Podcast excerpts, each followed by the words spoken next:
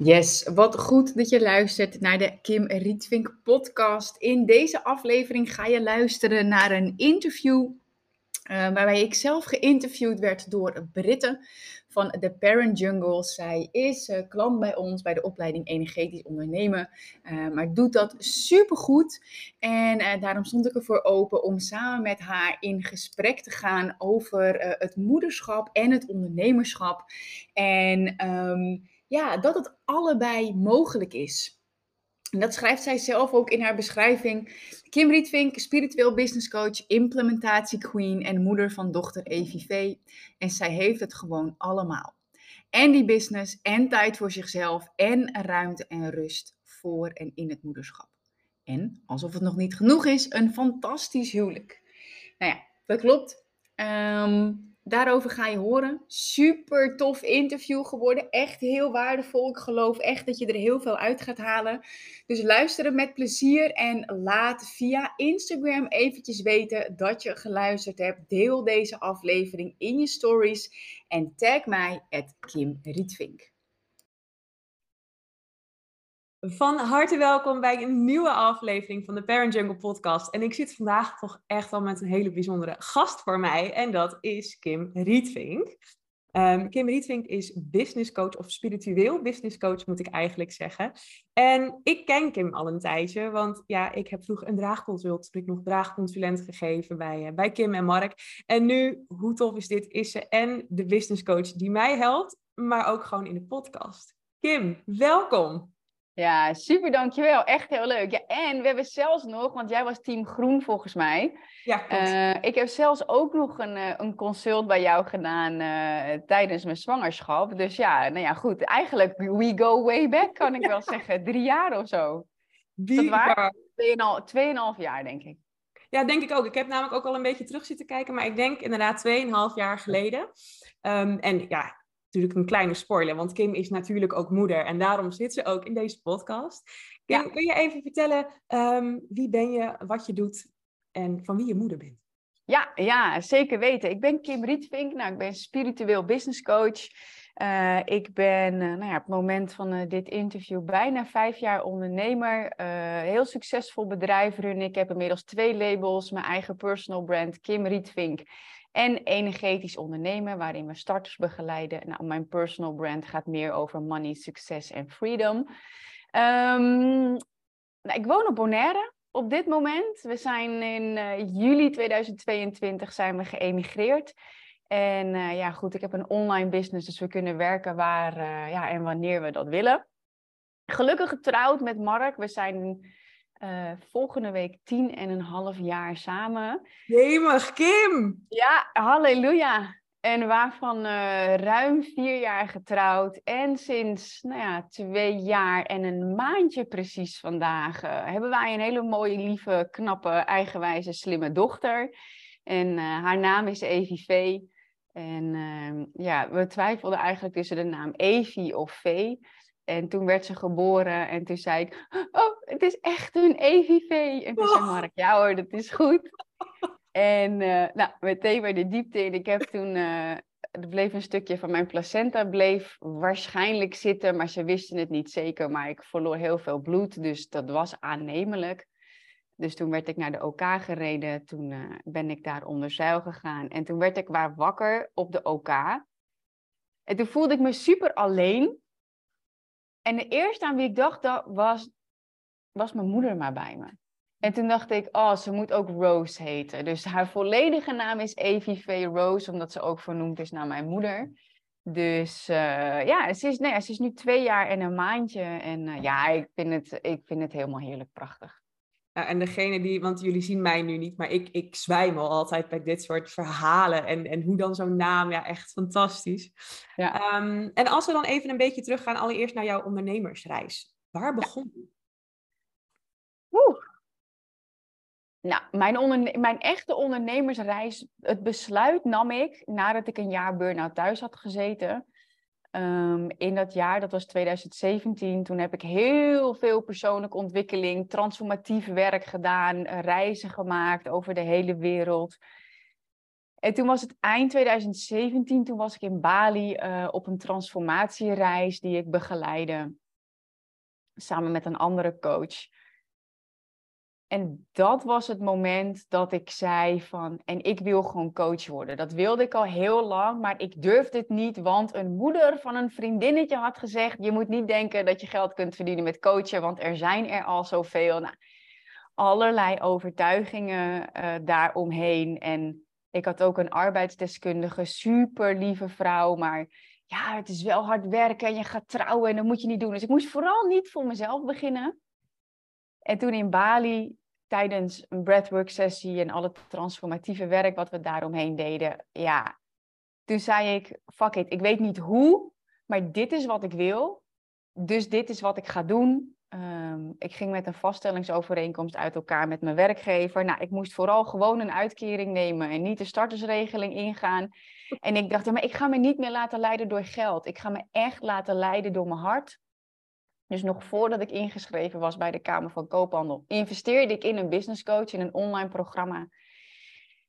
Ja, en ik heb ook op podium gezeten bij haar en uh, Ninke van der Lek. En zij zei toen ook, uh, ja, jij bent echt de implementation queen. Dus hè, je leert iets en je doet ook iets meteen. Uh, nou, dat vind ik aan jou ook heel leuk, Britte. Want dat zie ik bij jou gewoon ook heel erg terug. Dus zo is mijn reis eigenlijk begonnen. Eerst als lifestyle coach. Ik was 20 kilo afgevallen. Dus ik begeleide mensen daar in het creëren van een vrijer leven op het gebied van lifestyle. Ja, vond ik al heel snel dat ik dacht, ja, voeding, ja, training, ja, mindset. Nee. Ik wilde mensen echt helpen naar een vrijer leven. En ik had een opleiding gedaan tot loopbaancoach en NLP. Ik dacht, nou, ik ga loopbaancoachen. Want dat lifestyle, dat liep meteen als een trein. En ik deed alle marketing en ik deed de sales. En het was superleuk. Ik had heel snel klanten. Ik denk, nou, dat kan ik ook wel als loopbaancoach. Nou, had ik ook meteen klanten. Maar ik dacht, maar ja, je, zit je in loondienst. Dat is nog steeds niet, voor mij in ieder geval, hè, niet de vrijheid. En ik ben wel echt practice what you preach. En ik deelde heel veel via social media. En toen kwamen er eigenlijk heel snel mensen die zeiden: Ja, Kim, hoe doe je dat? Wil je mij dat ook leren? Dus toen maakte ik eigenlijk de transitie naar business coaching. Heel snel, maar ja, het ging ook gewoon heel snel, heel goed. Want hoe lang was je hier dan nu? Was je nu in je reis, zeg maar? Hoe lang was je nu bezig met als. Uh, een jaartje. Oké.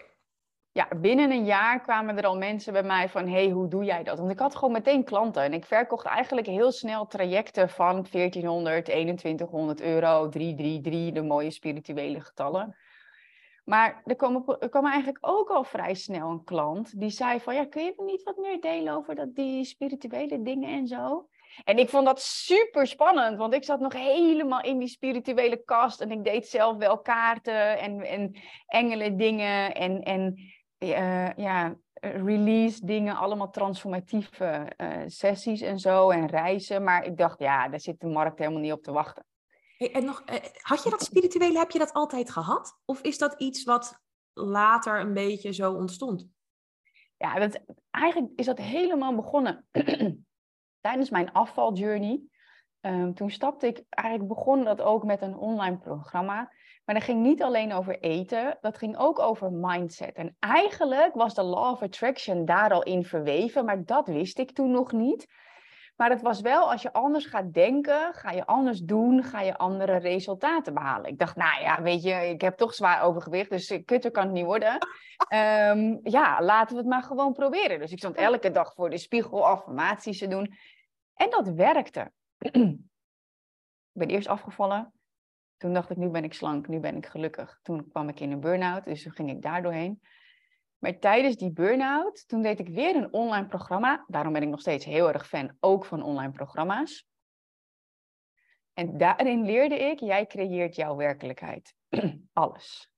En toen dacht ik, ja, fuck, doei. Heb ik zeker mijn eigen overgewicht zitten creëren? Heb ik zeker mijn eigen burn-out zitten creëren? Dus ik was eerst heel boos op de Law of Attraction.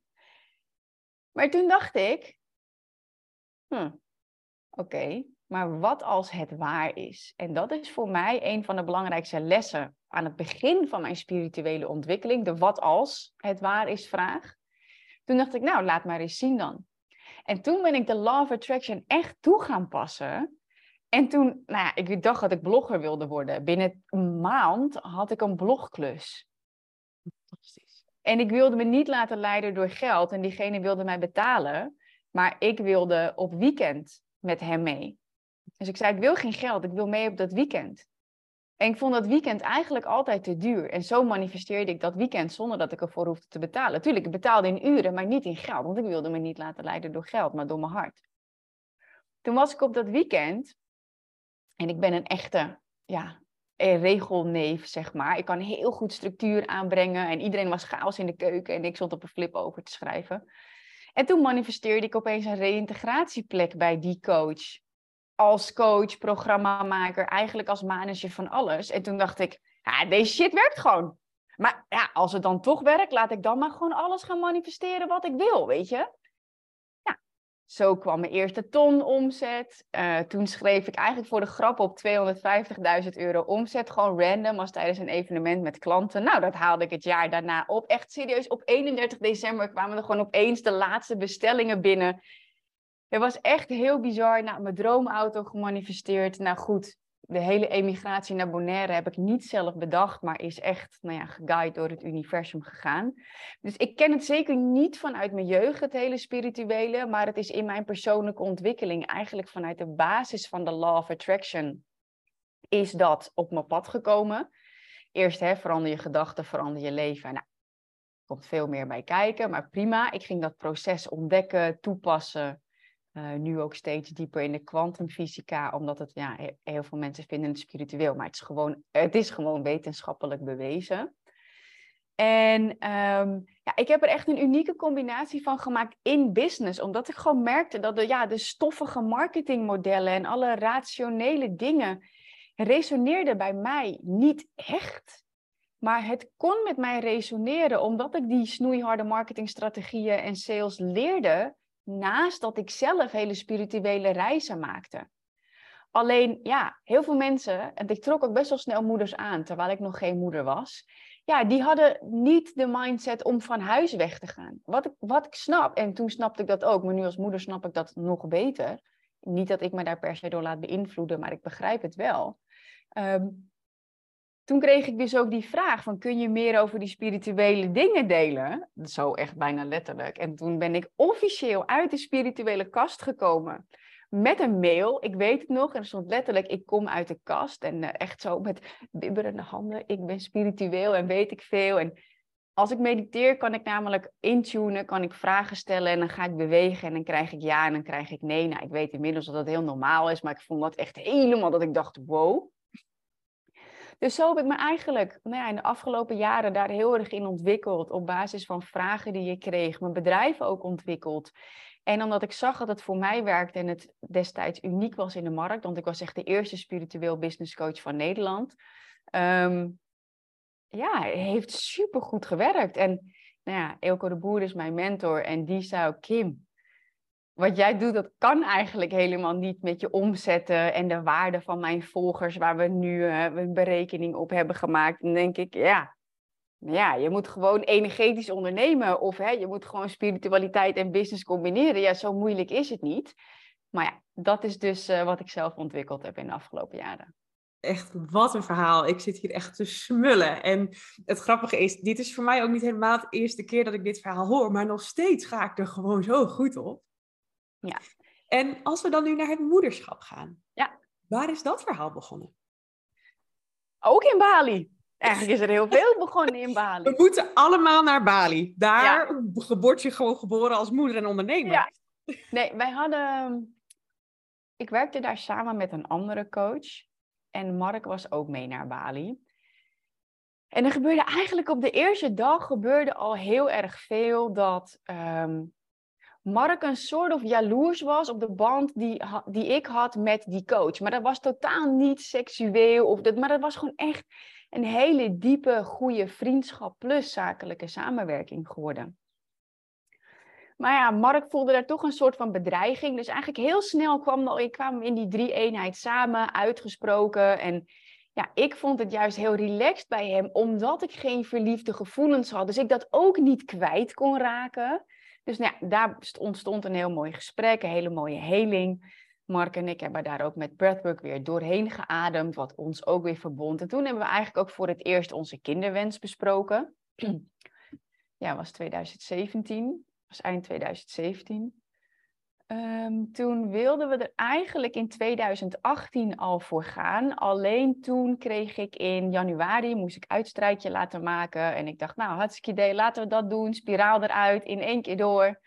Ehm, maar toen bleek dat ik voorstadium had van baarmoederhalskanker. En ik moest echt uh, behandeld worden met, nou ja, er zaten twee plekjes die niet goed waren en zo. Dus ik was daar echt van, heel best wel van overstuur. En we gingen trouwen dat jaar dus ik had zoiets van, ja, weet je, A, first my body.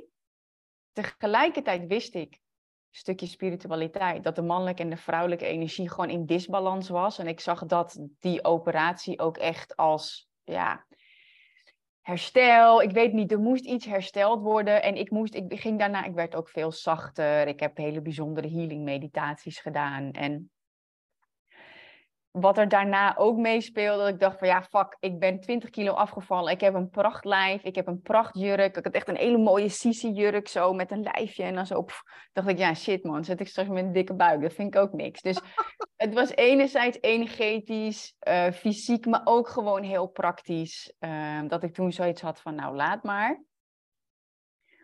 Uh, toen het jaar daarop Oh ja, want ik heb toen nog twee keer de prikpil laten zetten. Dat was het. Ik denk van, waar, want er zit nog een jaar tussen. Ik dacht toen, ik doe de prikpil, niet weer die hele spiraal onzin. Want ik vond dat persoonlijk niet een hele fijne ervaring om het te zetten en zo. Um, daarna was ik er overigens wel heel blij mee. Dus ik heb toen die prikpil laten zetten. Um, ik dacht dat het in je bil moest.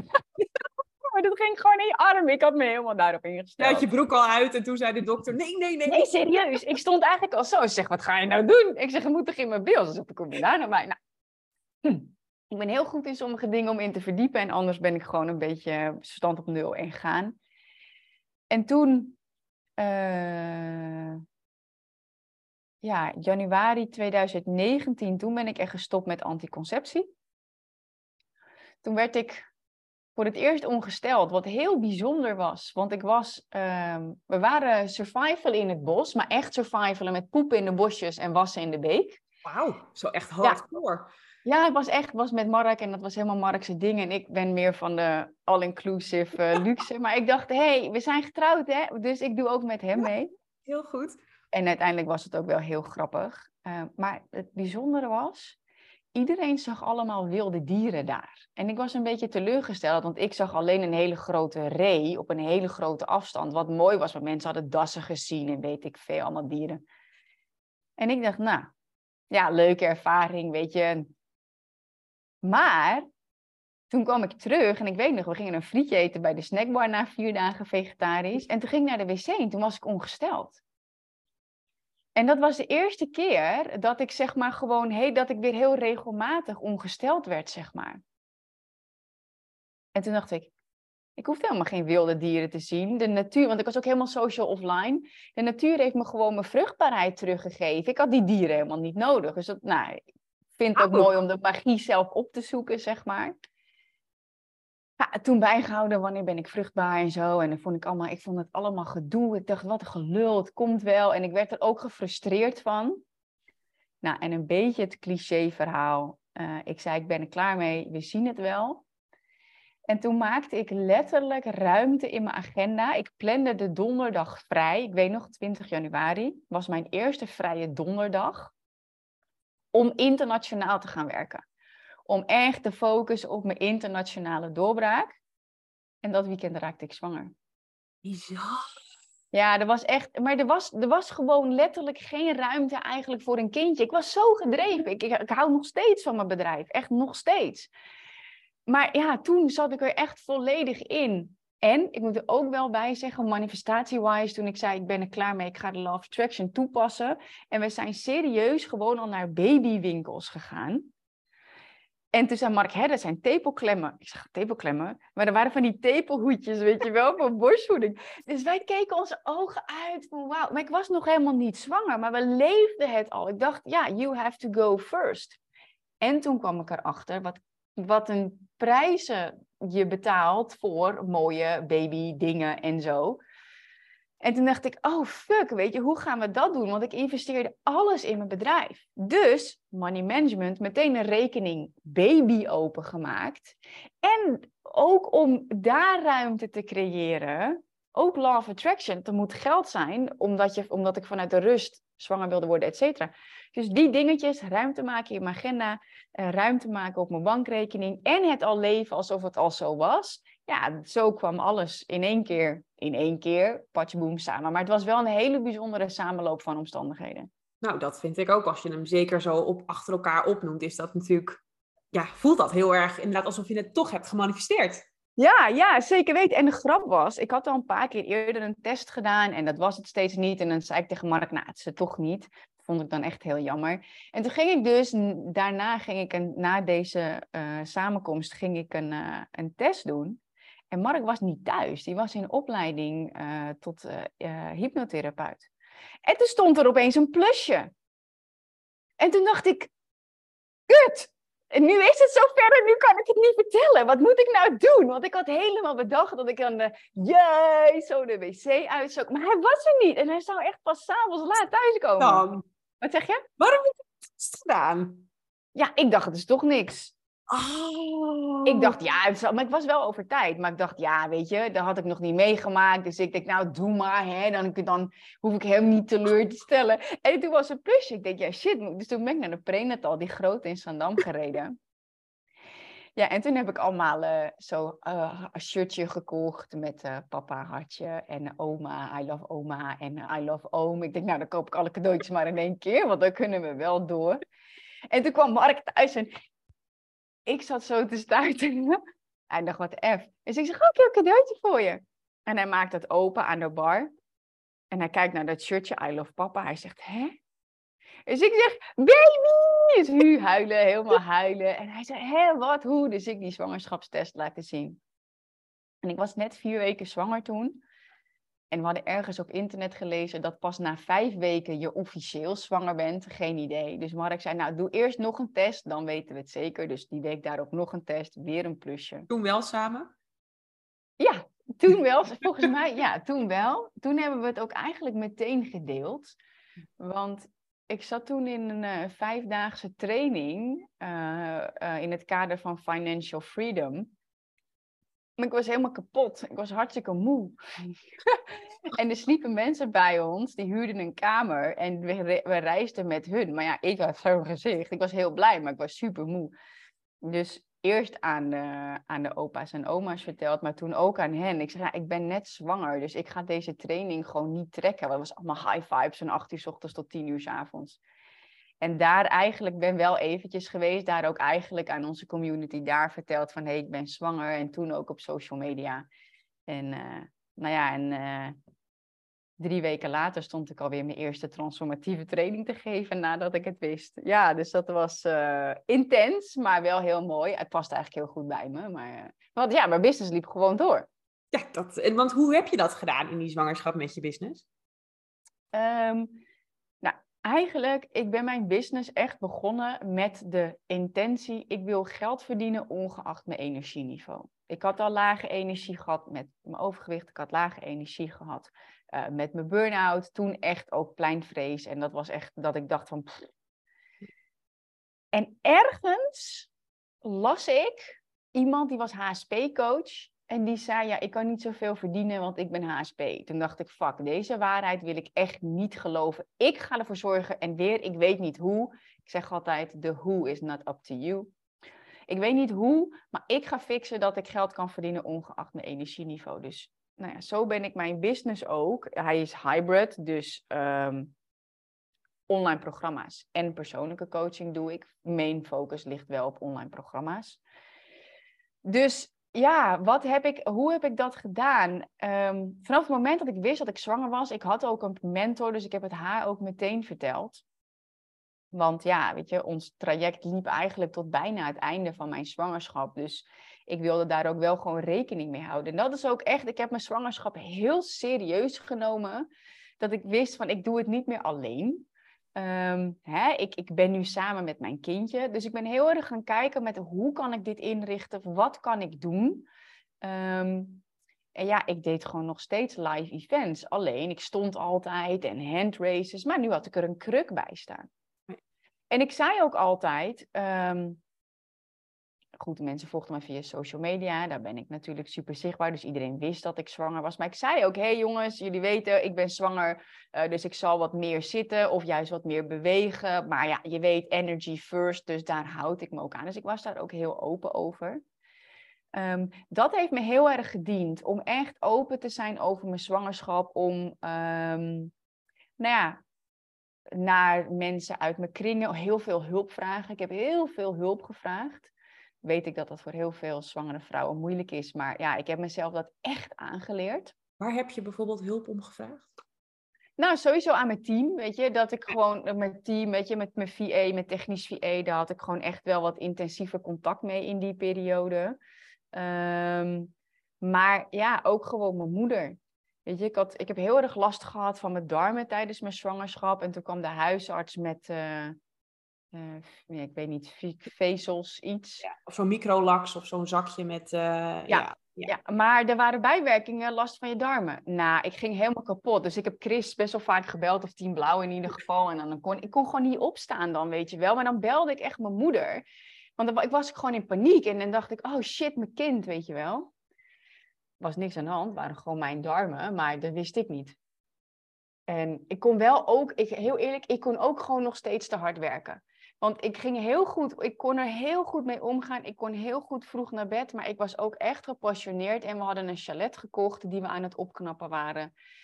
En dan stond ik toch te schilderen met mijn dikke buik. Maar dan voelde ik eigenlijk, dan kreeg ik zo'n beetje die krampen. En dan dacht ik, nee. Dus daar ben ik eigenlijk ook, ik ging een beetje over mijn grens. Totdat ik één keer een beetje bloedverlies had, maar dat was oud bloed. Dus nou ja, de verloskundige zei ook van, nou, dit is, dit is oké, weet je, maar doe rustig aan. En toen dacht ik, ja, wie hou ik hier nou voor de gek? Ik, ik, ik, natuurlijk, als ik niet zwanger ben, dan kan ik schilderen en schuren, want dat had ik, we hebben ons hele huis zelf verbouwd. Maar nu ben ik zwanger, nu draag ik een kindje. Dit is mijn allergrootste wens, dus kap met deze dingen. Ja, dat betekende dat ik meer vroeg van Mark, mijn man. Ehm, ja, hij moest schilderen. En dan vroeg ik ook mijn moeder, mam, wil jij helpen met het beddengoed wassen? Wil jij helpen met schuren, schilderen, whatsoever, de gras maaien? Ehm, want dat wilden we uiteindelijk gaan verhuren. Dus ja, zo heb ik mezelf eigenlijk echt, nou ja, hoe zeggen we dat, bij de kladden moeten vatten. En gewoon zeggen, ja, tot hier en niet verder, weet je. Want ehm, ik wil gewoon een, een zo goed mogelijke zwangerschap. Plus we hebben geïnvesteerd in, ehm, ja, hoe heet dat? Ook iemand die je helpt met ademen en allerlei verschillende posities. Hoe heet dat? Een doula bijvoorbeeld, of een eh, zwangerschapscoach, of een... ehm eh, Ja, ze, ze, ze was echt specifiek. Haptonoom.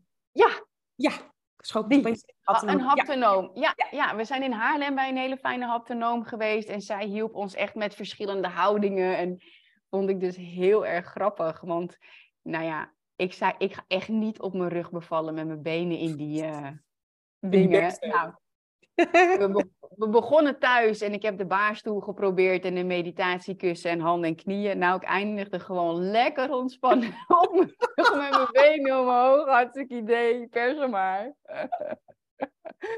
En ik moest ook zo lachen, omdat we echt allerlei dingen hadden geprobeerd. Maar ik vond het allemaal gedoe, ook tijdens de weeën wegpuffen. Daar wilde ik gewoon op mijn rug liggen. Terug naar de business. Ik heb gewoon echt steeds gekeken, wat kan ik wel? Op een gegeven moment kon ik, ja, en dan kon ik mijn veters niet meer strikken. En dan vroeg ik daar gewoon hulp voor, weet je wel. Ik kon mijn benen niet meer scheren. Nou, dan vroeg ik daar hulp voor. En in mijn business deed ik het gewoon, ja, ik deed wat ik kon, weet je. Ik ging wat vaker met de auto in plaats van op de fiets. Ehm, en ik heb zelfs met 36 weken zwanger heb ik nog een challenge gegeven, een online challenge voor een online programma. Ehm, stond ik ook echt op, zo van mijn kruk. Ik zeg, nou, eh, ik ben 36 weken zwanger. en het is, normaal sta ik altijd, maar nu zit ik. Nou ja, goed, toen deed ik nog 12.000 euro in, eh, in drie ochtenden. Ja, dat was super vet. Fantastisch.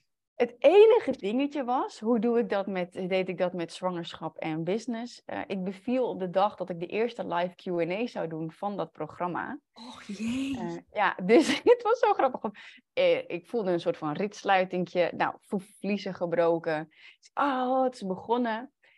En ik ben thuis, heb ik eigenlijk geademd naar de 10 centimeter ontsluiting. Nou, Chris, verloskundige, die was er toen ook bij. Maar toen stopte de persweeën.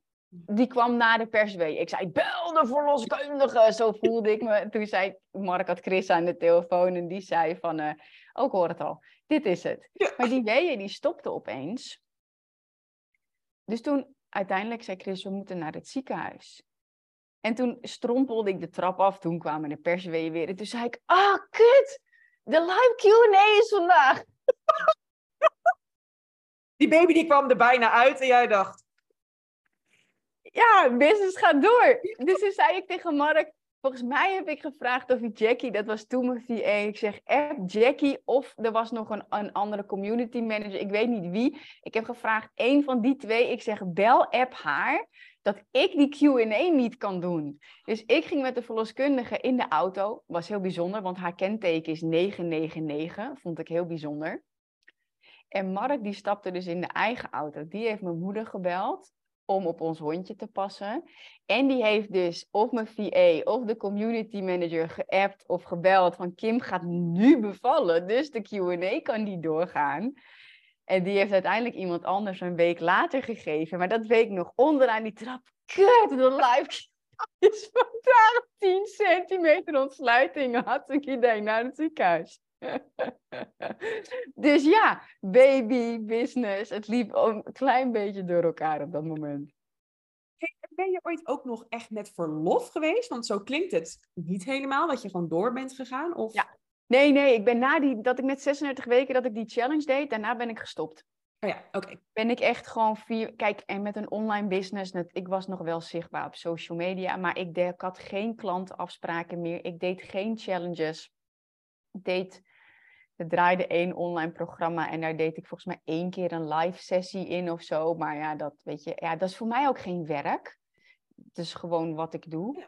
Ehm, nee, ik ben echt, ik heb echt gezegd 36 weken klaar. Ik heb ook echt volgens mij vanaf 20 weken of zo ben ik ook echt yoga gaan doen. Ik heb eerst nog wel personal training gedaan. Ik heb eigenlijk altijd veel gesport uh, sinds mijn transformatie. Op een gegeven moment ging dat meer zeer doen dan dat het me op ging leveren. Maar ik wilde wel blijven bewegen. Dus toen ben ik zwangerschapsyoga gaan doen. Dat heb ik echt tot de laatste zaterdag nog gedaan. Heerlijk. Ehm, ja, en ik, iemand zei tegen mij je bent maar één keer zwanger van de eerste. Dus je gaat ook maar één keer met verlof van de eerste. Want straks heb je er nog één. Weet je dat ik denk dat ik dat geweest ben? Oh ja? Ik zeg dit namelijk heel vaak tegen zwangeren. En dit zal mij, want we hebben elkaar één keer gezien. Ja. En voor zover ik weet, had je toen ook last van je buik. En dit zal mij niks verbazen als ik dat toen geweest was. Ja, ja dat zou heel goed zijn. Helemaal zo kippenvel. Ja, ja. Want dat heeft mij heel erg gediend, omdat ik dacht van, ja, ik was, ook, ja, ik was best wel moe. En toen dacht ik van, uh, ja, ik kan nu gewoon legaal tussen haakjes moe zijn. Hè? Ik ben voorstander dat als je fysiek echt moe bent, dat je daarna moet luisteren. Maar ik kon me ook ergens voorstellen van, ja, maar als, we, als ik straks een tweede heb en dan lig ik hier op de bank, dan staat mama, mama. Dus toen dacht ik, dat heb ik echt heel erg ter harte genomen. En toen dacht ik, nou ja, ik kan het. Weet je, financieel hadden we het allemaal super goed op de rit. Ook heel erg belangrijk, hè, vind ik echt als je zwanger bent. Zorg gewoon dat, ja, sowieso, ook als je niet zwanger bent. Maar manage je geld, dat hebben wij gewoon heel erg goed gedaan. Um, ja, dus zo is eigenlijk alles samengekomen. Nou ja, goed. En toen de bevalling. Ja, en toen daarna kwam natuurlijk echt uh, de, de, de mom en de business, die combinatie. En dat was weer een heel ander avontuur. Wanneer voelde jij je voor het eerst echt moeder? Was dat al in de zwangerschap? Nee, echt helemaal niet. Nee, ik heb, wij hebben, Mark en ik hebben een podcast samen opgenomen. Welke roze wolk ook. Uh, ik vond het zwangerschap vond ik heel mooi. Ik heb ook echt, nou ja, echt veel echo's gedaan. Wij, ik, ik was zwanger in de lockdown, dus we mochten geen gender reveal doen. Dus we moesten wachten op de 20 weken echo.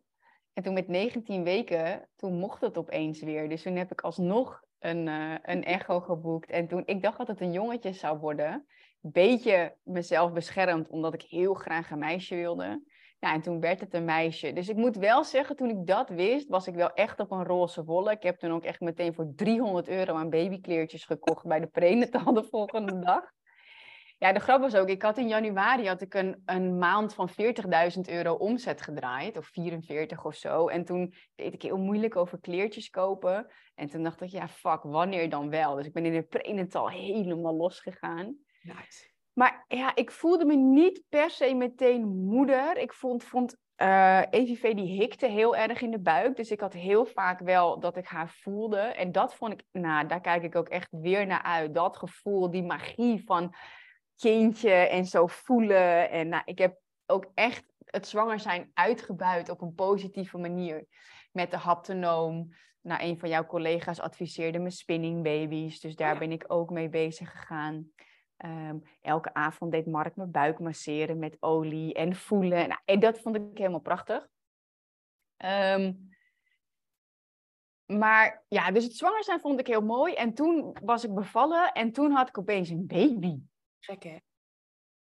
Ik was heel blij dat ik in het ziekenhuis bleef, omdat ik zoveel bloed had verloren en ik kon niet meteen plassen. Dus dat moest ook allemaal uh, begeleid worden en zo. Toen dacht ik, ah ja, ik ben moeder. Toch? Fuck. Dit zat, het was zo, het was zo, ik kon het echt niet bevatten. En um, nou goed, er was heel veel met mij. De, heel, de, dan moest ik weer borstvoeding geven en dan moest er weer zo'n katheter naar binnen. En dan, en dan ging, sliep ik net en dan werd ik weer wakker, want dat liep niet helemaal synchroon. Nou, uiteindelijk mochten we het uh, ziekenhuis uit en toen kwamen we thuis en toen was EVV eigenlijk ja, een beetje dood, een beetje verdoofd of zo. En toen kwam de kraamzorg gelukkig. Uh, en die zei van ja, ze heeft helemaal geen voeding gekregen eigenlijk. Heeft ze wel echt aan de borst gelegen, maar dat kon ik me allemaal niet echt meer herinneren. Die heeft toen een beetje ja, poeder, melkpoeder zeg maar gehaald. En toen leefde ze meteen weer op.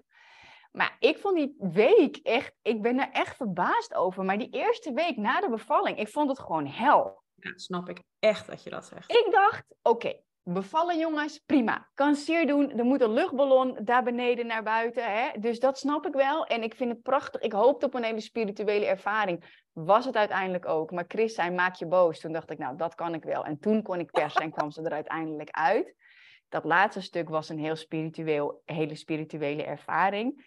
Maar die week daarna, ik had fucking veel pijn. En iemand zei, ja, je moet een gieter naast de wc zetten. Ik dacht, wat moet ik nou weer met een gieter? Nou, uiteindelijk was de gieter mijn beste vriend. maar dat was alleen maar omdat een vriendin van mij zei, die beviel op dezelfde dag, was heel bizar. Ik zeg, heb jij ook een gieter? Ze zegt, nee, ik heb gewoon een spaafles, want zij had er al een, zij had al een kind. En toen, maar toen werd dat, dacht ik ook, oh, meer mensen hebben het gevoel alsof ze ontploffen of dat het ontzettend brandt als ze gaan plassen. En Mark maakte nog de rotopmerking. Ja, het is maar goed dat je eigen bedrijf hebt, want het duurt drie kwartier voordat jij je van de wc afkomt. Gelukkig kon ik het hebben. Want hij smeerde broodjes pindakaas s'nachts voor me. En hij kwam uh, spinaziesapjes brengen. En hij verzorgde mijn ijzerpillen en dat soort dingen. Maar ja, die eerste week, ik kon nog bijna niet lopen. Wat een, wat ehm. een fysiek ongemak je dan ervaart, hè? Ja. En, dat, ik dacht bevalling, oké. Maar daarna dacht ik, we gaan luiertjes doen en kleertjes. En, Knuffelen. Ja. EVV was zo klein dat ze maatje 50 niet paste. Dus ik had voor 300 euro aan kleding liggen, maar de kindje paste niks. Dus ik heb nog in bed op Instagram hand, van die, die vrouwen die handmatig kleding maken, heb ik nog geappt. Kun je alsjeblieft wat sturen? Want mijn kind past niks en ik kon niet naar de winkel om het te gaan halen. Dus enerzijds achteraf gezien was dat heel grappig, maar ik kon er niet in bad doen. Ik kon niet een luiertje verschonen, dus ik heb zoveel gehuild. Ik dacht echt van, wat ben ik nou voor moeder? Terwijl ik met alle kennis die ik had, wist ik ook wel, ik kan hier niks aan doen. Eh, ja, goed. Heb ik dit weer aangetrokken? Was ik weer boos op de of Attraction? maar dat was wel ook mijn redding. Want ik dacht, fuck, heb ik weer lage energie. En ik kan niet sporten, want sporten is eigenlijk altijd mijn manier om mijn energiesysteem aan te zetten. Maar toen dacht ik weer, wat kan ik wel? Oké, fysieke energie is één, maar mentale energie beïnvloedt ook mijn frequentie. Dus ik kan wel anders gaan denken. En die tool heb ik toen ingezet en toen veranderde weer alles. En nu was... ben ik dus heel benieuwd, want dit is echt key. Wat heb je gedaan? Hoe heb, hoe heb je dat gedaan? Nou, sowieso heb ik natuurlijk wel de kennis van de kracht van je gedachten. Wat je uitzendt, trek je aan. En ja, ik zat gewoon, ik noem het altijd een beetje in mijn pity party. Uh, ja, ik heb twee liter verloren en nu... Ja, oké, okay, wel been Ja, weet je, en natuurlijk had ik liever de bonding gehad van het eerste uur. Maar nu dacht ik, ja, ik heb die bonding niet gehad. Ik zat heel erg in de wereld van niet wat ik eigenlijk had. Ik kan niet lopen, ik kan niet een luiertje doen, ik kan niet, niet, niet. Schrappig, want nu weet ik ook weer exact wat ik gedaan heb. Ik zei toen, ik zeg eigenlijk altijd tegen het universum en nu ben ik er klaar mee. Ik weet niet hoe, maar dit is wat ik wil. Toen zei ik, op de laatste dag, ik wil voordat de kraamzorg weg is, wil ik mijn kind in bad hebben gedaan. Ik wil de luier hebben verschoond, staand en ik wil hebben gewandeld. Dat is mijn doel. Heb ik ook tegen haar gezegd.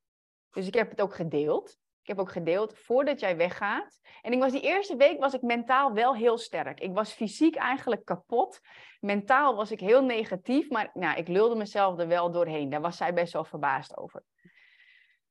En toen er kwam een moment dat Mark ook brak, want die, ja, die sliep ook niet. Ik deed de borstvoeding, maar hij pakte haar de hele tijd, want ze lag al in een co-sleeper. Maar... En toen nam ik het besluit, nu is het klaar. Voordat die... Uh... Dus ik ging naar de wereld van wel. Wat wil ik wel? Wat wil ik wel? En wanneer? Ik gaf het universum ook gewoon een deadline. Ik dacht, fuck, kijk of het... Gewoon, wat als het werkt, weet je?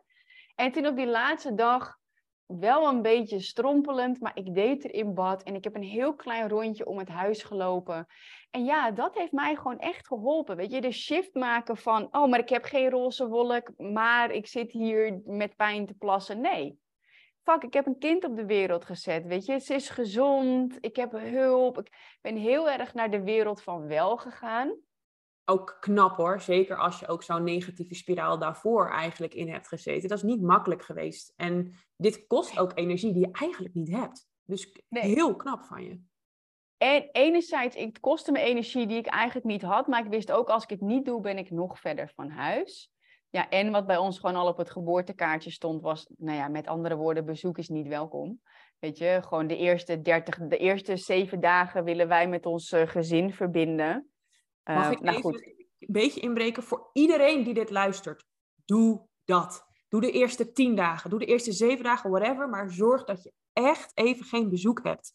Goed zo. Oh ja, dat ja. Oh. Maar er komt al veel bezoek. Want de kraamzorg komt nog, de kraamzorg, de, de weet ik veel, de verloskundige, de GGD. De... Iedereen komt naar je ouders. Nou goed, ik wilde mijn broer ook wel even langs hebben.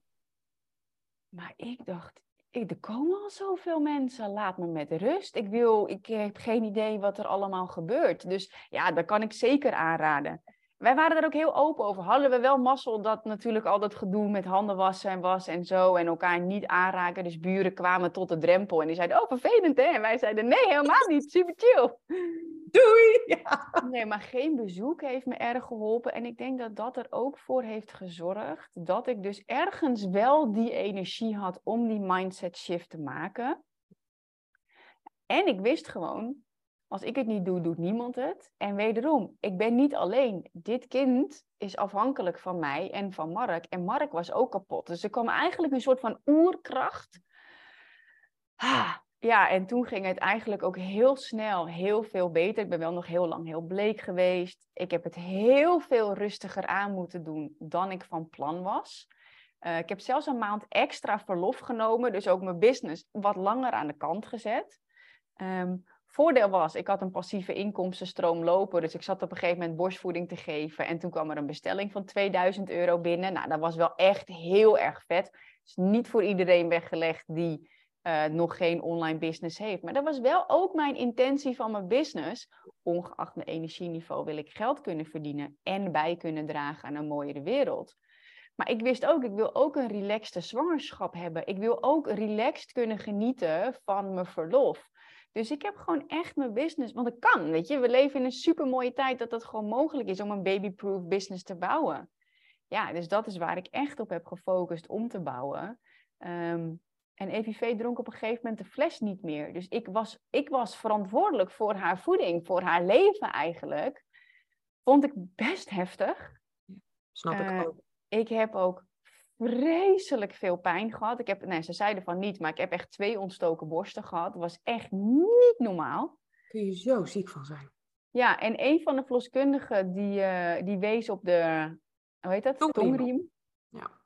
En er is nog een lactatiekundige geweest. Die zei van, nou, ik zou er tongriempje laten eh, knippen. Dus dat hebben we laten doen. Vanaf dat moment ging de borstvoeding ook veel beter.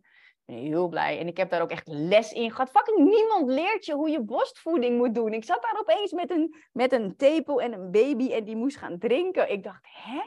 Ja. Dus heb ik ook echt ja, les gehad. Twee lessen in borstvoeding geven, in houdingen. Nou, vond ik ook heel fijn.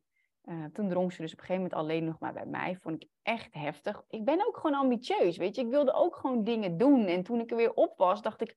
Oh, dan moet ik weer borstvoeding geven. Dus ja, ik heb me echt niet meteen moeder gevonden. Ik, ik hield heel veel van haar. Ehm, ik heb met heel veel liefde voor haar gezorgd. Mark en ik hebben ook heel goed gecommuniceerd. Ook een hele belangrijke.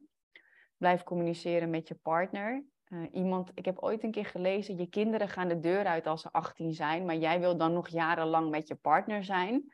Ehm, dus dat nemen wij ook echt ter harte. Maar ik heb dus uiteindelijk nog een extra maand verlof genomen, waardoor ik het groepstraject wat ik zou beginnen, eh, wat een, nou ja, tienduizenden euro's waard was, heb ik vooruitgeschoven. Ik heb altijd gezegd, laat me niet meer leiden door geld, maar door mijn hart. Dus dat heb ik een maand vooruitgeschoven, of uiteindelijk twee maanden zelfs, want ik moest de lancering, eigenlijk, moest de lancering nog doen. En het bizarre was weer, 1 februari was mijn nieuwe kantoor klaar. Dus dan zou ik kunnen beginnen in mijn nieuwe kantoor. Dus januari nam ik nog extra verlof. 1 februari kon ik beginnen in mijn nieuwe kantoor. En ik begin die dag. En Evie dronk dus niet uit de fles, dus ik zou op en neer rijden. Dus mijn moeder belde met de lunch. Ze drinkt toch niet echt. Dus ik rijd naar huis en ik geef borstvoeding. Ja, maar Britte, weet je wat er vervolgens gebeurde? Daarna dronk ze alles. Het voelde, maar ja, ik kan, ik download. Ze moest weten dat ik er altijd voor haar zou zijn, ongeacht wat. Ja. Dat was zo bijzonder. Want smiddags, ik zei tegen mijn moeder, hoe laat moet ik komen? Nee, ik geef nu de fles. Hè? Ik was bereid om dus die extra maand verlof te nemen. Ik was bereid om er voor haar te zijn. Ik vond het echt niet altijd makkelijk, maar ik deed, ja, it's my job, weet je, it's my duty. En superleuk business, superleuk tonnen, maar ik wilde moeder zijn. En ik rijd die dag in mijn droomauto. Dat was dan wel ook echt weer lekker.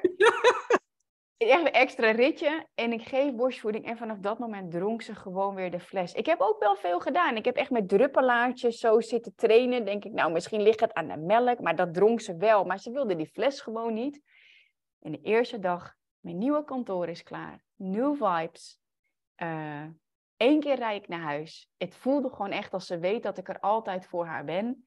Ja, en vanaf dat moment dronk ze weer. Dus ik zat toen uh, doe, doe, doe, lekker met een uh, hands-free kolfapparaat. gewoon uh, ja, borstvoeding op te sparen, zeg maar. Ja, vond ik ook machtig hoor. Zat ik gewoon te werken zo. Niet in coachsessies, maar gewoon e-mails te beantwoorden. Nou, en dan poef, poef, poef. Hé, hey, weer 100 milliliter, hup, in de koelkast. Ja, ik vond dat magisch. hey, en want wat ik heel erg hoor, je zegt van ja, ik heb eigenlijk een beetje een stap terug gedaan. Ik, ben, ik heb het vooruitgeschoven. Hoe was dat voor je? Want het was niet altijd makkelijk. En dan kan ik me ook indenken als je van de ambities bent. Hoe ben je daarmee omgegaan? Ja. Hoe ben ik daarmee? Ja, in mijn hoofd was er geen andere optie. Weet je, um, ja, ik ben gewoon echt ingesteld op de wereld van wel. Wat kan ik wel? Ja, en heel eerlijk, weet je, ja, over een jaar kan ik nog steeds deze business dingen doen. Maar ja, ik ben me zo bewust van het feit, en nu ze, nu ze twee is, ik ben zo dankbaar voor de hoeveelheid tijd die ik met haar door heb gebracht en breng. Want ja, ik was me gewoon bewust. Weet je, funnels bouwen, uh, events organiseren, masterminds draaien. Ik kan het altijd doen. Maar deze baby is maar één keer één maand. Deze, deze, dit mensje doet maar één keer. Oh, ze rolt voor het eerst om. Weet je, ik ben echt, ik ben ook echt helemaal, ja, full pool in head first in het moederschap gedoken. En Ehm, oh, ze doet voor het eerst. dat soort dingen, ja.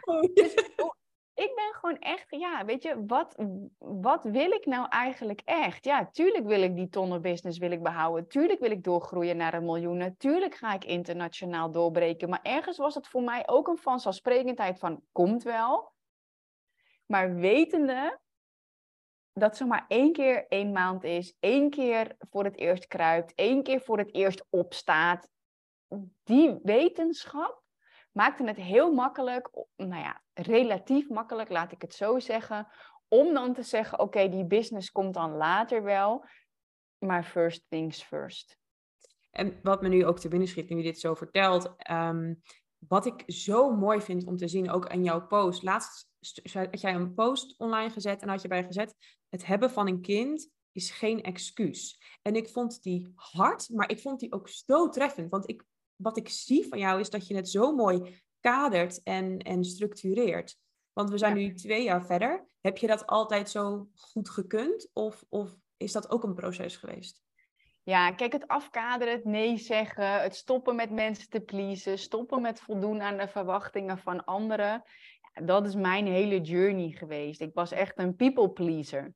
Ehm, en, en ja, daar ben ik gewoon stap voor stap ben ik daar uitgekomen. En ja, heel eerlijk, als ik niet lekker in mijn vel zit, ben ik ook niet de leukste moeder voor EVV. En dat is altijd een heel mooi gezegde, maar het is gewoon waar. Als ik overprikkeld ben, en dat is relatief snel, dan kan ik eerder zeggen, nou nu even niet. Terwijl de, dat arme meisje, ja, kort lontje. Dat arme meisje kan er niks aan doen. Dus ik ben me echt soms hyperbewust van de prikkels die ik tot me neem. Maar ja, heel eerlijk, heel veel ondernemers die ook een kind hebben, gebruiken het als excuus. Ook niet-ondernemers. Hm. Ja, ik heb een kind. Nee, ja, dat kan niet. Fuck, ik sport, ik crossfit vier ochtenden in de week. En ik salsa dans één avond in de week met Mark samen. Dus zelfs nu we net op Bonaire wonen, hebben we gewoon oppas gecreëerd. En nou ja, goed, je ziet hier mijn yogamatje achter liggen. En dat, ik, het is een reel die ik heb gemaakt. Ja, ehm, ik weet precies. Ja, EVV rolt over me heen. Ja, dus niet de beste yoga practice dat je kind over je hoofd heen rolt. Of downward dog en dan kruipt ze onder me door. En nee, ja, natuurlijk doe ik ook graag een yoga practice gewoon helemaal met aan. Maar de, ja, ik heb een kind, punt. En het is geen excuus om dan niet uh, te gaan sporten. Um, ik doe en ik run een tonnenbedrijf. En ik heb een gelukkig huwelijk. En ik ben moeder. En ik zorg goed voor mezelf. Ja, dat vraagt nee zeggen tegen een heleboel dingen. Het vraagt om hele duidelijke kaders. En hele duidelijke communicatie. In mijn geval met mijn team. Ook over mijn agenda. Wanneer wel inplannen en wanneer niet. Maar ook met Mark. Ook met mijn man. Hij sport zes dagen in de week. En dat zie ik gewoon bij heel veel vrouwen misgaan. Dat die dan hun partner voor laten gaan en hun kind voor laten gaan. Ik doe dat gewoon niet. Het is gewoon, voor mij gewoon no-go. Mark sport om zes uur. Dan haal ik EVV om rond half zeven haal ik haar uit bed. Uh, tanden poetsen, ontbijten. Maar daar geniet ik ook echt van, hè. Deze vriend, de telefoon, is er niet voor acht uur in mijn handen. Ja, soms om een meditatie aan te zetten, maar eigenlijk liever niet. Dus dat is een heel duidelijk kader. Ik word eerst zelf wakker. Ik doe eerst mijn eigen ding. Meditatie, yoga, beginnetje, maar meestal meditatie, ademwerk. Dan EVV. Maar dan ben ik ook echt met haar in een ochtendritueel. Dan breng ik haar weg en dan ga ik sporten. Dus Mark gaat om zes uur ochtends sporten. Dan ben ik moeder. En dan, Mark gaat sporten. Ik ben Kim. Dan ben ik moeder. En dan ben ik weer Kim. En dan ben ik ondernemer. Dus ik, die, die rollen, ja, die neem ik echt heel serieus. En ja, daar geloof ik gewoon echt in. Als ik op mijn best ben. En dat is wel echt een journey voor heel veel ondernemers, voor heel veel vrouwen. Wanneer ben je dan op je best? Want ik dacht ook van ja, ik wil fulltime moeder zijn. Nou, ik ben juli, augustus dit jaar fulltime moeder geweest. Nou, dan ben ik echt niet op mijn best. Ik ben geen entertainment team. En dan word ik ongelukkig en dan word ik ook echt gewoon een minder leuke moeder. Dus ja, we hebben ook gewoon gekozen om er daardoor wat meer naar de opvang te doen. Ook omdat we hier geen vangnet hebben op Bonaire van natuurlijk eh, van mijn schoonmoeder of mijn broer of mijn moeder. En nu gaat het top, maar je moet echt, je, ja, het begint echt in de basis met jezelf leren kennen. Ik ben al die tijd ook gecoacht. Uh, ik ben zelfs ook in een traject van meer dan 30k gestapt, omdat ik een netwerk wilde van um, uh, ondernemers, ambitieuze ondernemers die ook moeder waren. Nou, daar zaten er een aantal in, om daarover te kunnen praten. Hoe doe jij dat met je bedrijf? Hoe maak jij dat het werkt voor je? Nou ja, en zo geloof ik dus ook echt in coaching voor ondernemende, ja, voor ondernemende vrouwen die ook hun, hun eerste kindje hebben. En tweede heb ik zelf nog geen ervaring mee. Um, maar als je iets nodig hebt, dan is het nieuw perspectief. En alles met je eerste kindje is nieuw. Het is gewoon nieuw. Ja, nu eerst hadden we wegwerpluiers. Nou, dat willen we hier liever niet op het eiland. Dus nu hebben we wasbare luiers. Ja, oh fuck. Ja, dat moet je meenemen in een zakje. Ah, kak, dat is fucking ranzig. Oh ja, maar ja, moet maar. Oh, ze slaapt niet. Drama. Mijn hele leven ligt er nu af. Oh, na een week is het weer voorbij.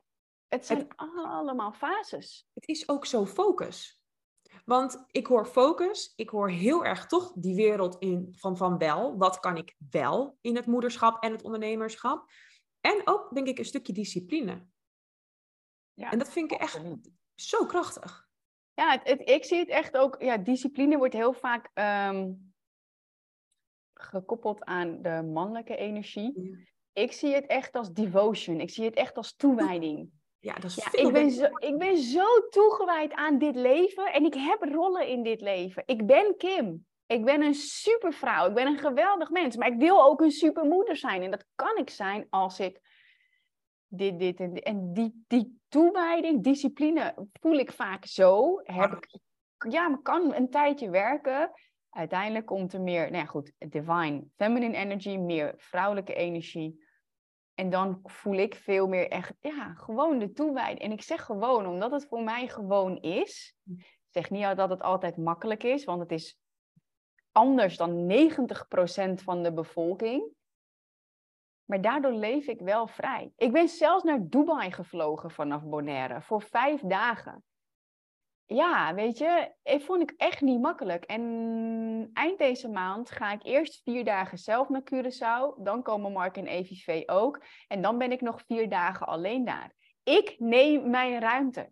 En dat is echt wat ik, waar ik mensen gewoon nou, door het scherm staan. Maar dat is, moet je leren. Je moet leren je eigen ruimte innemen. Is ook systemisch werk met je plek innemen. Maar goed, het gaat echt om focus, leren grenzen aangeven. Stop met pleasen. Blijven communiceren met je partner. Hulp vragen. En gewoon echt een knijtersterke mindset creëren. Um, en toegewijd zijn. Gewoon toegewijd aan dit fucking pette leven. Dat is het gewoon. Het leven is gewoon te kort om je tijd te verdoen op social media en te klagen over pijnlijke borsten of weet slapeloze nachten. Ik heb ze ook. Ik heb ze ook allemaal gehad. Maar ik weet als je daarin blijft hangen, dan ga je nog meer van die ja, shit, sorry, ja, nee, ja. aantrekken. En als je, als je dan je tijd gewoon dan juist besteedt aan de juiste dingen, geloof ik ook in het ondernemerschap om je bedrijf te laten groeien Iedereen kan affirmaties doen. Iedereen kan YouTube luisteren of Spotify naar positieve dingen. Naar, iedereen kan investeren in online programma's. Ik zweer het, de schermtijd doen, voldoen zoveel mensen op hun telefoon. Ik denk dan, doe iets, doe iets waar je wat aan hebt. Ik doe dat nog steeds. Ik luister nog steeds luisterboeken, podcast. Om mijn, als ik wat minder heb geslapen bijvoorbeeld, zoek ik ook hulp. Of bij mijn coach, of gewoon Spotify, YouTube. En dat is dat zelfmanagement. Dat is die toewijding. En dat leren we niet als ondernemer. Überhaupt leren we niet ondernemen. Maar goed, hè, jij hebt dat gelukkig wel geleerd bij ons. maar ja, het moederschap leren we ook niet. Het volwassen worden is ook nog zo'n groot onderdeel. Ja, en ik, die vijf dingen eigenlijk die ik net noem, daar, dat is gewoon een basis die je moet creëren. Want ik weet heel veel mensen die luisteren nu, die zullen weerstand voelen, ja, maar jij. Ja. Maar ja, I created this. En daar geloof ik echt oprecht in. Iedereen kan dit creëren, maar je moet wel echt toegewijd zijn. Ja, goed. En je moet bereid zijn op pieken en je moet voorbereid zijn op dalen. En dan wil je gewoon het juiste supportteam om je heen hebben. En daar sluit ik me ook echt helemaal bij aan. Want kijk, wat ik ook heel mooi vind aan jouw verhaal, want je zegt misschien denken mensen dan ja, maar jij. Maar ja, maar jij hebt, bent ook de moeder geweest die pijnlijke borsten heeft gehad, die de slapeloze nacht heeft gehad. Je hebt het niet anders gehad dan andere moeders. Maar je hebt wel een ander resultaat. Dus hoe tof is dat? Er is toch iets goed gegaan. Sterker nog, er ja, is zeker. goed gegaan. Hoe en ik moet, ook, ik moet ook nog denken dat Chris heeft een keertje gezegd van, weet je, als je nou een keer een woedeaanval ervaart door een slapeloze nacht of whatsoever, zet je kind gewoon eventjes in bed en loop weg. Ja. Weet je, er zijn ook altijd, nou altijd, dat weet ik gelukkig niet, maar er zullen ook gevallen zijn dat moeders boos worden op hun kind en door elkaar schudden of whatsoever. Ik heb ook momenten dat ik denk van, ah, kappen nou. Weet je, ze wordt nu een beetje pubertje en dan denk ik, spiegel, kut, weet ik ook, mijn kind spiegelt mij. Maar daar kan zij niks aan doen. Het raakt iets in mij en soms trek ik het ook niet. En dan haal ik diep adem en dan zeg ik, sorry EVV, maar mama kan het nu even niet. En dan zet ik haar in bed en dan gaat ze heel hard huilen en mijn hart verscheurt aan alle kanten. Maar ik neem mijn ruimte om even of te huilen of wat van me af te schudden of adem te halen. Of ik zet haar op het meditatiekussen als zij een, een, een knijpaanval heeft. Kom tot mezelf. Ik loop terug. Ik zeg, EVV, mama had even ruimte voor zichzelf nodig. Later leg ik je dat wel uit. Maar dat helpt mij ook echt heel erg. Ik behandel haar niet alsof ze stom is. Weet je, want heel veel mensen denken, ja, maar zij weet niks. Ik behandel haar echt als ja, volwassen ziel, zeg maar, die alleen de matrix nog moet leren begrijpen. In ieder geval de woorden, de omgang wat wij met elkaar hebben afgesproken. En op die manier met haar communiceren, eigenlijk alsof ze een volwassen persoon is zou ik, ik zeg ook wel eens tegen Mark, oh, nu, eh, nu, ik moet, heb nu echt even mijn ruimte nodig, want ik voel dat ik anders uitbarst. Dus tegen Mark zeg ik dat ook. Dus ja, EVV leg ik dat ook gewoon uit.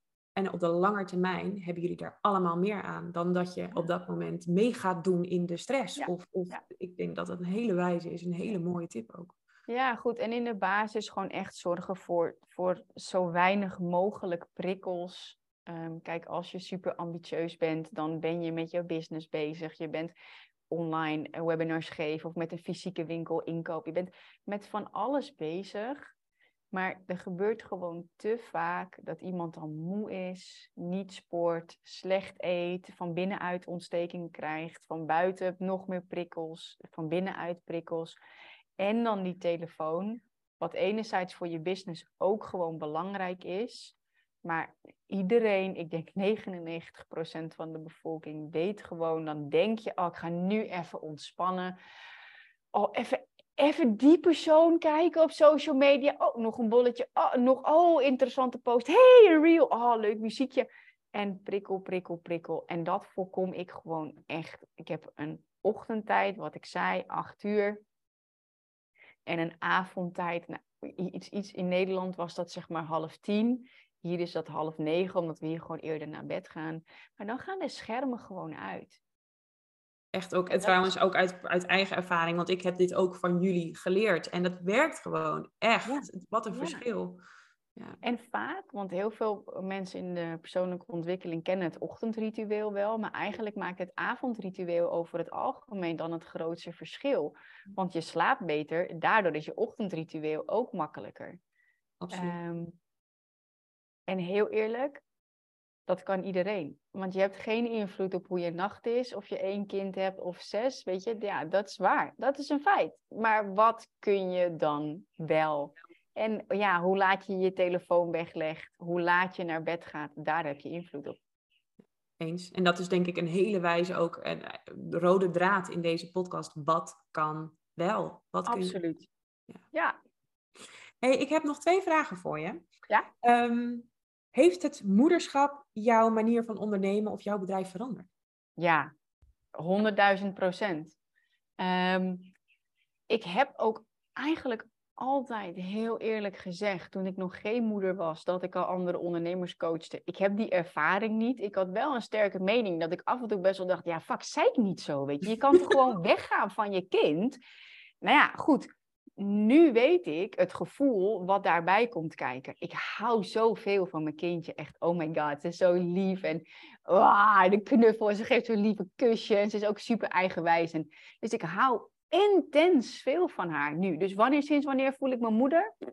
Ik denk echt dat dat is sinds ze kan lopen een beetje. Sinds, uh, sinds er echt wat meer interactie komt. Vanaf dat moment ging ik me meer moeder voelen. Dat er ook meer opvoeden bij komt kijken. In plaats van een beetje in leven houden, zeg maar. Ehm, maar ja, zeker weten. Ehm, ik werkte vier dagen. Ik heb nooit vijf dagen gewerkt binnen mijn eigen bedrijf. Dat wilde ik gewoon niet. Vrijdag was altijd ik leef vrijdag. Dus dan deed ik gewoon koffietjes of niks, chillen, weet ik veel. En toen EVV geboren werd, ben ik drie dagen gaan werken. Maandag, dinsdag, donderdag. Woensdag was dan mamadag.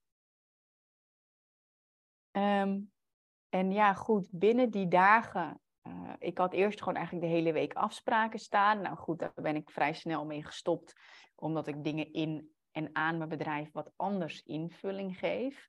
Um, maar ja, over het algemeen halen we haar om half vijf van de opvang op, want ze gaat nu vier dagen in de week naar de opvang. Nou, ja, vond ik, je neemt toch een kind om het vier dagen naar de opvang te sturen? Ik krijg ook via Instagram, als ik een keer een DM-berichtje zie, ja, jij lekker vrij leven, je kind naar de opvang. Nou, meningen genoeg. Maar dat vind ik ook mooi, want ja, ik vond dat zelf ook.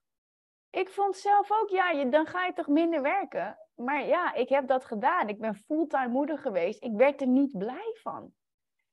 Terwijl nu geniet ik zo van uh, het ochtendmomentje. Ze krijgt poepzaadjes in haar yoghurt. Dat is lijnzaad en chiazaad. Maar zij zegt oeiajaatjes. En dan denk ik, gaan we, dus als ze wakker wordt, zegt ze eten, eten, kleine dictator. En dan uh, gaan we eten en dan zit ze op het aanrecht en dan krijgt ze yoghurt met poepzaadjes. Of naan, naan is banaan. dus dat soort momenten geniet ik intens van. En dat maakt dus ook, omdat ik echt met aandacht bij haar wil zijn, dat ik niet op Instagram ben geweest, dat ik geen mail heb gekregen. Heb ik gewoon echt geconditioneerd. Nou ja, goed, heel technisch. De neurale paden liggen er gewoon niet dat ik dat gedrag vertoon. Dus doe ik, ja, weet je, en ik had sowieso altijd een ochtendtijd, half negen. Nou goed, nu sta ik eerder op, nu is dat acht uur. Ehm, wat nog steeds hetzelfde is, wat ik deed toen ik geen moeder was en nu wel, is ik heb pas vanaf tien uur afspraken. Dat was in Nederland zo en dat is hier ook. Dus dat heeft invloed op mijn klanten in Nederland als ik één op één sessies doe. Dat is nog steeds hetzelfde, tien uur, half twaalf. Dus echt vaste tijden van afspraken. Um, woensdag was mamadag, dat is nu familiedag. We zijn nu samen um, uh, vrij, Mark en ik. En soms doe ik op woensdag dan toch nog wel eventjes iets werken. Maar dat, dan heb ik vaak gewoon inspiratie. En als zij dan slaapt, dan gaan we, ga ik een podcast opnemen of zo. Ja, wat is het? Kaders zijn eigenlijk nog belangrijker geworden. Omdat ik, ja, ik denk echt dat dat inderdaad de rode draad van dit, van dit interview is. Weet je, wat kan wel? En een kind is per definitie een, een ja, vanuit een positieve be bewoording een onstabiele factor. Het geeft onverwachte dingen met zich mee. Dus dat waar ik wel controle over heb, dat wat ik wel kan sturen, hè, zonder overcontrolling te zijn, maar hè, het, het co-creëren wat wel kan, dat is nog belangrijker geworden. En ja, in principe is half vijf gewoon eindtijd, want dan wil ik haar ophalen. En dat is hier gelukkig ook vlakbij. Mark en ik doen dat ook altijd samen. Nou ja, bijna altijd. Soms hij boodschappen doen, maar we doen zoveel ook samen. En dan ben ik met haar. En soms is ze moe en dan kijken we een filmpje en dan gaan we eten. En dan wil ze bij mij op schoot zitten. En dat vind ik ook niet makkelijk. Weet je, ze altijd mama, mama, mama. En dan zit ik net lekker mijn rap te eten. En dan wil ze bij mij op schoot. Dus dan zit ik zo mijn rap te eten. En dan zit zij ondertussen de mais van mijn bord te halen. Maar ja, Dan denk ik, ja, je bent maar één keer twee. Weet je, ja. Ook een Dus- mooie. Ja, en mijn business is eh, gewoon eigenlijk strak ingericht. En heel soms word ik s'nachts ook wakker van de inspiratie. Ja, en dan ga ik er wel uit.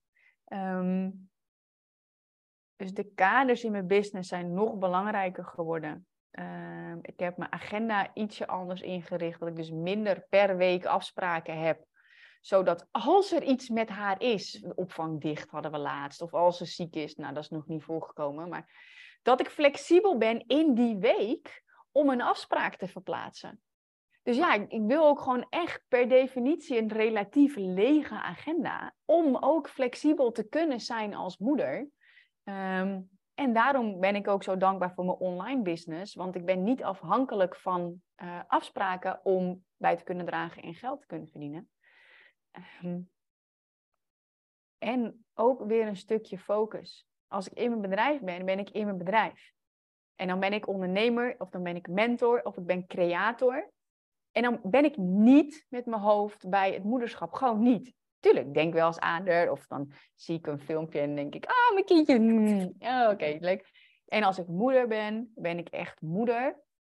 En dat, dat is een proces geweest. Gewoon een proces geweest van bewustwording. Elke avond checkte ik met Mark in. Wat heeft er voor je gewerkt? Wat neem je mee uit vandaag? En wat zou je morgen anders doen? Ook die vind ik zo waardevol om in gesprek te blijven met elkaar. Het is Ja. zo belangrijk, want je kan zo snel mee worden genomen in het ouderschap en in je leven. En dat geeft even pauze, al is het maar vijf minuten. We deden het vaak in bed.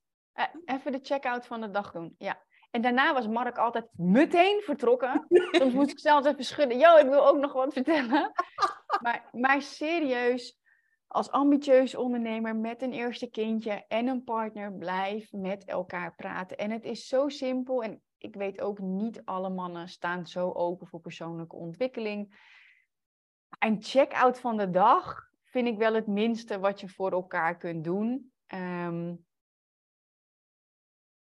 en zo is het een proces. Je moet ook blijven zien dat het een proces is. En ik doe ook wel eens iets, ik, dat bedenk ik me nu, ik doe ook wel eens iets doms.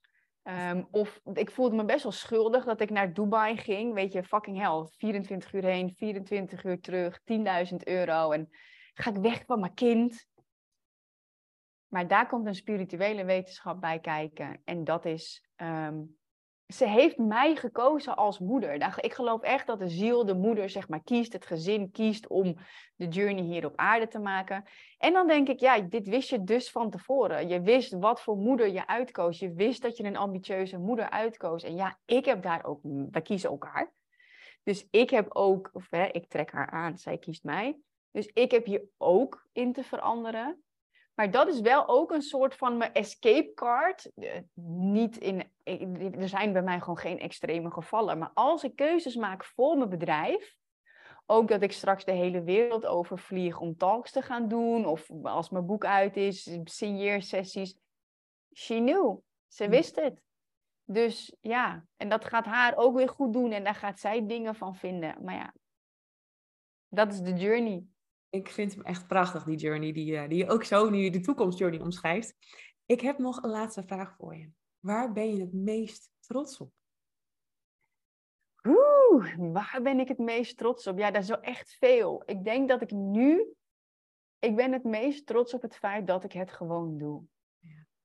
Ik ben echt heel trots. Ja, weet je, mensen vonden ook van alles dat we gingen emigreren en opa en oma achterlaten. Maar ja, ik leef, wil mijn mooiste leven leven. En ik wil het rolmodel zijn voor mijn kinderen. En dat is ergens ook een toewijding die ik al jaren heb voordat ik kinderen had al.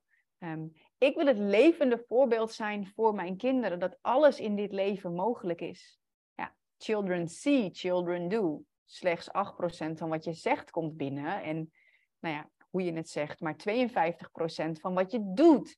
Dus daar ben ik heel trots op. Ja, ik doe het allemaal wel maar. Ik, ik, ik stopte bij mijn baan tegen alle adviezen in. Ik eh, ging mijn bedrijf. Ik investeerde 100.000 euro en meer in coaching. En soms denk ik wel eens, oh my god, wat doe ik? Maar ik ben echt voorwaarts. Ik ben echt voorwaarts. En dan denk ik wel, wat wil ik haar meegeven? Ja, nou goed, mijn slogan, cut the crap and manifest your dreams. Weet je, dat. Daar ben ik heel trots op, dat ik dat zelf leef. Ehm, dat ik ja, goed fouten durf te maken, dat ik mezelf dat toesta, maar er wel ook een les uithaal om te verbeteren.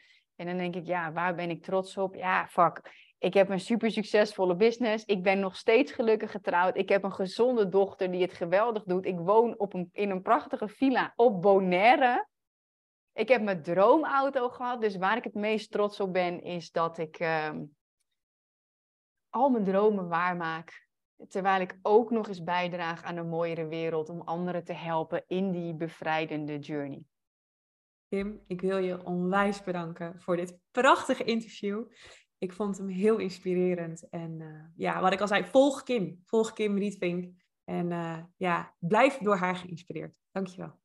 Ja, super fijn, dankjewel. En uh, ik heb er echt ook ontzettend van genoten. En ja, als mensen me willen volgen, bij mij is alles Kim Rietvink. Instagram is Kim Rietvink, kimrietvink.nl, Kim Rietvink podcast, lekker simpel.